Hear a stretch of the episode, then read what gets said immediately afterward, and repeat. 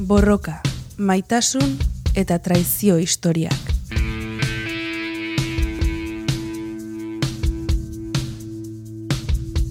Beatriz Rubioren azalpenak estitxu eizagirreren konpainian. Kaixo Beatriz. Kaixo estitxu. Bueno, bosgarren saioan gaude. Bai. Eta lau, e, aurreko saioan hasi ginen sufragismoa azaltzen. Orduko hartan, estatu batuetara egin genuen egan, eta gaurkoan berriz, bosgarren saio hontan jarraituko dugu sufragismoarekin, baina erresuma batuan gertatu zena azalduko diguzu. Bai, Atlantikoaren alde hontan. E, pizkat pareko doaz mugimenduak, eh? ikusi dugu, bai, e, hiru fase hoiek, aurreko saioan aipatu genitunak, mila sortzion da berrogeta sortzi, mila sortzion da irurogeta marbitarteko fase hori, e, no mugimendua azten dan, gero erradikalizazio mugimendua mila behat, lehenengo mundu gerra e, heldu arte, eta gero ja, lehenengo mundu gerra azten denean, bukarar arte ja, lorpen, lortu arte, hor ja, bueno, ba, beste fase bat, ez da? Eta erresuma batuetan, e, berdina, az, batutan ez dakit hitz egin, erresuma batua, Inglaterra, edo baina, bueno, e, Hor, mila sortzireun da irurogeta zei urte, urtean, izan zen lehenengo eskaera ofiziala parlamentuan, e, emakumeen aldeko boto eskubi, e, e, barkatu, emakumeek boto eskubidearen aldekoa, ez da? E, kulturatzen baldin bagara, mila sortzen erurogeta bederatzean, Wyomingen Amerikan lortu zuten estatu hartan e, lehen aldiz boska eskubidea. Bai, orduan, hortxe doaz borrokak. E, mila sortzion erurogeta zazpian ezagutuko dugu, gure e, eroi maskulinoa, bigarrena, kasuntan, dela John Stuart Mill. Beak e, e, urte hartan, e, saiatu zian parlamentuan sufragisten kopurua handitzen, ezta? Orduan beak proposatu zuen, ea, e, gizon, e, gizonek botoa eman jartzen zuen tokian, gizon hitzaren ordez pertsona erabiltzea. Orduan, nolabait, zabaltzen zitzaion aukera, emakumei zabaltzen zitzaigun aukera boskatzeko, eta era berean, sufragistako puruak handitzen zian, beha, behantzako ideia bikaina zen. Baina, e, beak bakarrik, e, parlamentuan oso, oso parlamentari gutxik ikusi zuten ideia, eta gehiago barre egiten zuten, eta nolabait karikaturak eta guzti egin zizkioten, eta esaten ez ba, e, hitz bakarra aldatuz, mundu aldatu nahi duen e, hause, ezta? Eta John Stuart Mill ezaguna e, da e, mugimendu feministan sufragista delako, e, bai? Emakumeen sufragioaren aldekoa delako, eta mila sortziron derurgo eta bederatzi garren urtean idatzi zuen liburua ere oso garrantzitsua izan zen mugimenduarentzako dela e, la sujeción de las mujeres edo euskaleres emakumeen menpekotasuna edo e, obra. Oso ondo. Eta, bueno, pixka bate obra hortan, emakumearen menpekotasuna ze ideia zabaldu zituen. Bai, berantzako ideia garrantzitsuena zen emakumeak askeak izan behar zutela.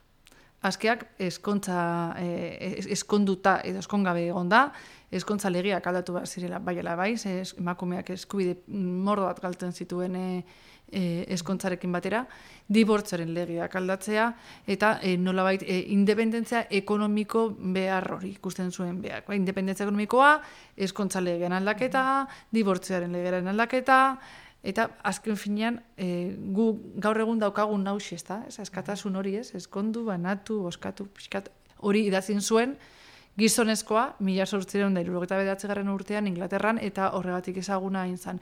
Gay, Bai, bai, egia, aurreko astean bota genuen galdera, saio bakoitzan entzulei bi- bidaltzen diegun bezala, eta zu galdetu zenuen, ea, John Stuart Millek zer egin zuen bere ezkontza egunean. Ba, hori da, orduan, John Stuart Millsek egin zituen eskaerak e, parlamentuan emakumeak boskatzeko aukera e, izateko, idatzi zuen e, e, emakume menpekotasuna obra, baina bere bizitza pertsonalean ere saiatzen zan koherentea izaten eta koherentzia hori eramatea bere esparru pribatura eta bueno, hor kon- kontatzen dikuten nolabait e, bera maite binduta zegoen, Harriet Taylor eta bea e, Harry Taylor ere feminista eta sufragista eta e, e, idazlea eta intelektuala, eh?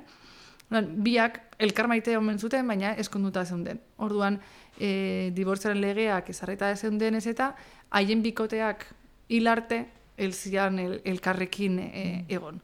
Eta horren hogei urte izan zuten harreman bat, baina nolabait bakoitza bere bikotearekin bizitzen, eta ja e, alargun geratu zirenean eskondu e, egin ziren, baina John Stuart Mill be eskontza egunean egin zuena izan zen e, haos publikos eta sinadura bitartez, bea jarrietekiko irabaziko lituzkeen eskubideak berarekin eskontzagatik, gizona izateagatik, eskubideei uko egin zien. Oran, publikoki jasota dago nola e, uko egin zien bere zenarraitzatko e, e, zituen e, eskubideak. E, jarritekin harremana oso berezia izan zen, ez bakarrik e, esparru pribatuan, e, elkarrekin egin zuten lan handia, obra eta artikulu asko idatzi zituzten elkarrekin, John Stuartek beti epatzen zuen e, e, jarrietek, e, jarri Taylorrek berarekin egiten zuela lana eta obra bilona zela, beti epatzen zuen bere eragina bere obrarengan. Hala ere, bien artean, helburu berdina zuten ere, bazituzten beraien desadostasunak, ez?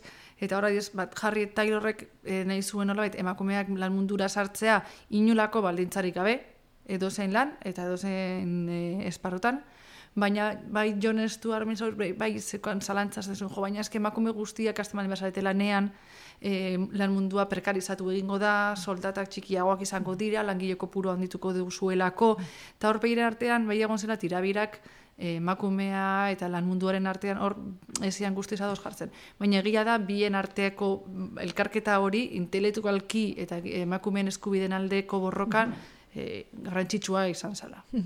Bueno, orain arte kontatu zuen arabera, badirudi erresuma batuko sufragismoa, ba ez dakit, lege eta politika bai. mailan garatu zala, e, izan zuen emaitzarik?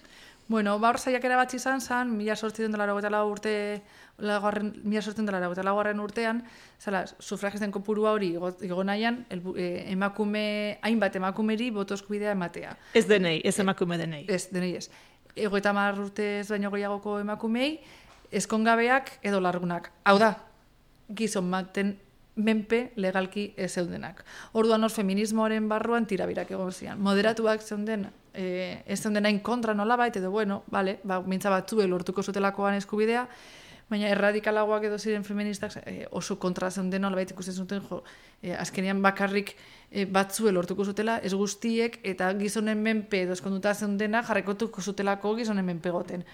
Orduan hor, mila garren urtetek aurrera, mila behatzeren iru, eta lehenengo mundu gerra bitartean, mugimendua erradikalizatu egin zan. Eta ordukoa da sufragistak pelikula kontatzen duen garaia, bai, eh? Eta mm benetan pelikula nire iritziz, e, oso ondo islatzen du emakume sufragisten e, lan baldintzak, bizi baldintzat, e, ora soziala, e, neuzet gomentagarria izan daitekela pelikula ikustea.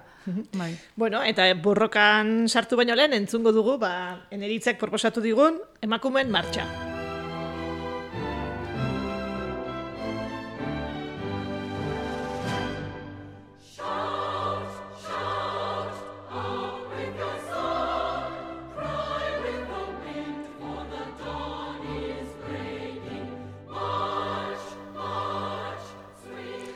Aipatu duzu mila behatzeron da iru, ama iru tarte hortan, erradikalizazio garaia hasten dela, eta nolako ekintzak egin zituzten? Bai, bueno, ba, neritze jarri duena, jarri diguna abestiaren e, hildora, ba, bueno, martxa pilo bat antolatu zituzten, pizkat elkartu, koordinatu, bai?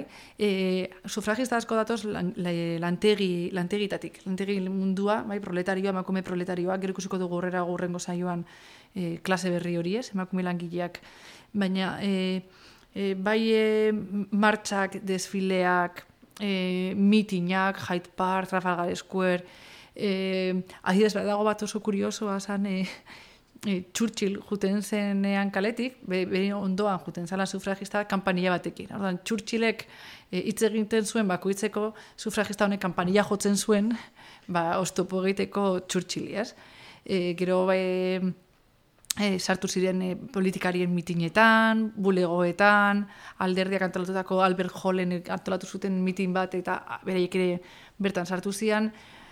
Eta gara denborarekin pixkat erradikalizatu edo egitzala mugimendua eta zizela pixka ba igual e, e, sakarrontzietan e, mm, e, ez dakit, koktel molotov ez dakit beste eza, baina, bueno, balerketa batzuk egiten, edo ekin e, publikoi harriak botatzen, baina ala eta guztiz ere, e, eta bakit momentu honetan feminismoaren munduan Maria Barkalzela ipatzea ez dagola oso ez dakit, bueno, hor eztabaida emakume eztabaidatsua da, baina bai, behar daukala esaldi potente bat da hori, ez ba, ez dut ezagutzen kontrako biktimarik sortu gabe, hainbeste lortu duen mugimendurik eta gila da sufragistak naiz eta erradikalizatu egin zien ez zuten biktimarik e, lortu. Eta gure aldean bai egon zeila biktimak.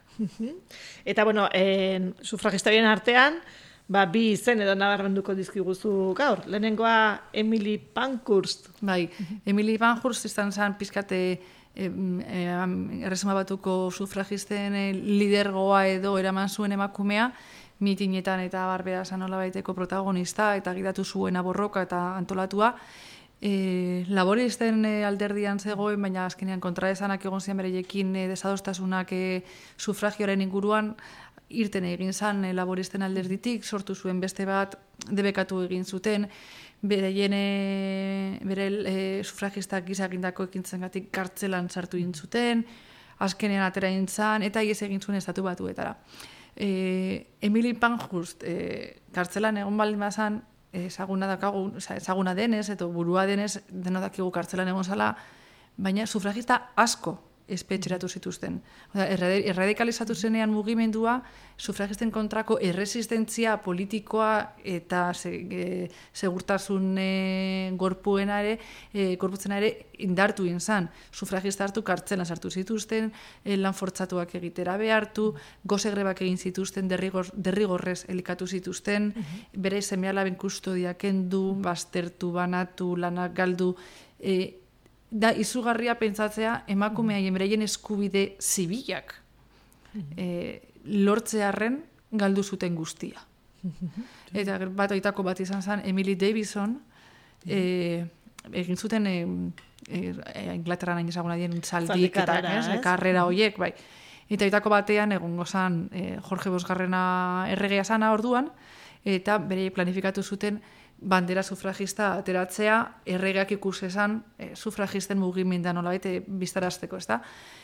Eta gaizki atara zitzaien, ezin izan zuten egin, nahi, izan, eh, nahi planifikatuta zuten bezala, eta orduan Emily Davisonek e, hartu zuen bandera, eta zaldiak, bere aurrean pasatzen ari zela, salto intzun atara zuen, zaldiek aurretik eraman zuten, eta momentuan bertan hil zan, eta nola baiteko, e, bere buruaz beste egin zuen sufragismoari e, e, bere momentua ematearen bere, bere, hori, bere ikustarazteko publikoak, erregiak ere ikusteko.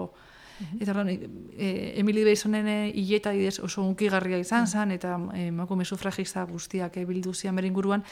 Eta nolait, Emily Pankhurst, ja, inglat, estatu batuetan zegoen, ies eginda, eta utzi zioten karroza bat utxik simbolizatzeko bera han e, hiletan e, egongo balitz bezala, ez da?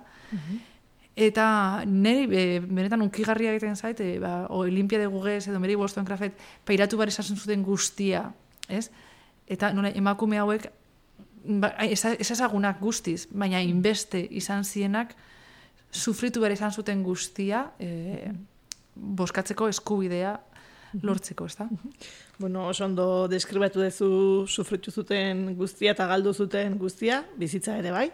E, eta azkenean noiz lortu zen boto eskubidea? Bai, bueno, azkenean hemen estatu batuetan e, gertatu zen bezala, lehenengo mundu gerra suertatu zen, e, hogei garre mendean, azten da aro iuna, ez, mende beltzori, eta horregon zen eten bat, borroka sufragista nola baiteko beste lehentasuna zen gerra, Eta orduan, e, e, Joit, Joit, George e, erresmatuko e, presidenteak, mila beratzen dama zazpidean, e, hogeita marurtetik gorako emakumei eman zien eskubidea, foto eskubidea, eta ja, mila beratzen da hogeita zazpian, erresmatuko emakume guzti eman zien. Eta hemen berriz ere, ez, nolabait, saldu dana, edo ondo saltzen ez baldin badegu, nolabait, ematen du hori emakumeek lehenengo mundu gerran egindako lanagatik, ba, erizaintzan, industrian, gizonezkoek egiten ez zuten guztia, frontean delako, emakumeek egiten genuen guztia, egiten zuten guztiari eskertza gisa, ematen du eskertza gisa, lortu zutela e, e, sufragioa, ez? Eta jo ere, ustut, errebezioa egin behar dugu, eta hitz agian zuzenagoak erabili gure artean ere hitz egiten dugunean, ez, e, e, inork eman boto eskubidea. Mm emakume horiek guztien e, bizitza eta borrokaren e, e, oinordekoa gara beraiei esker daukagu, e, gure dauzkagu gaur egun dauzkagu eskubide zibilak eta. Bueno, boto eskubide igual simplifikatzea izango da, zer da lortu zutena sufragistek?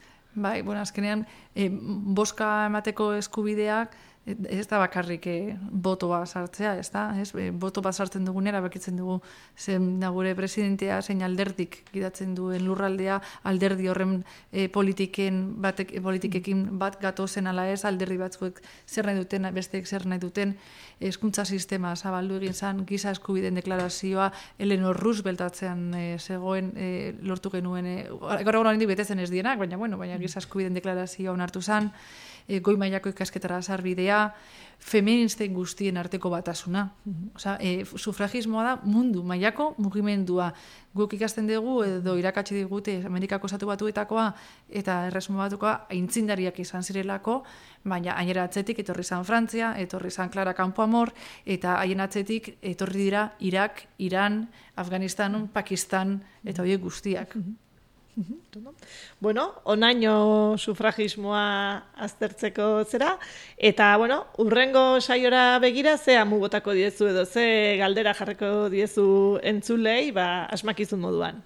Bueno, urrengoan sartzen gara ja e, hogei garren mendean, ez dugu olatu saldatuko, jarraituko dugu bigarren olatuan, Baina, sartuko garaia pizkat sozialismoa, marxismoan, sobietar batasuna, proletariadoa, eta emakumearekin zerikusia duten guztia. Orduan nire galdera da, e, zeinek esan zuen gerrari gerra, eta e, bueno, zeinek egiten zuen emakume berriaren aldeko apostoa.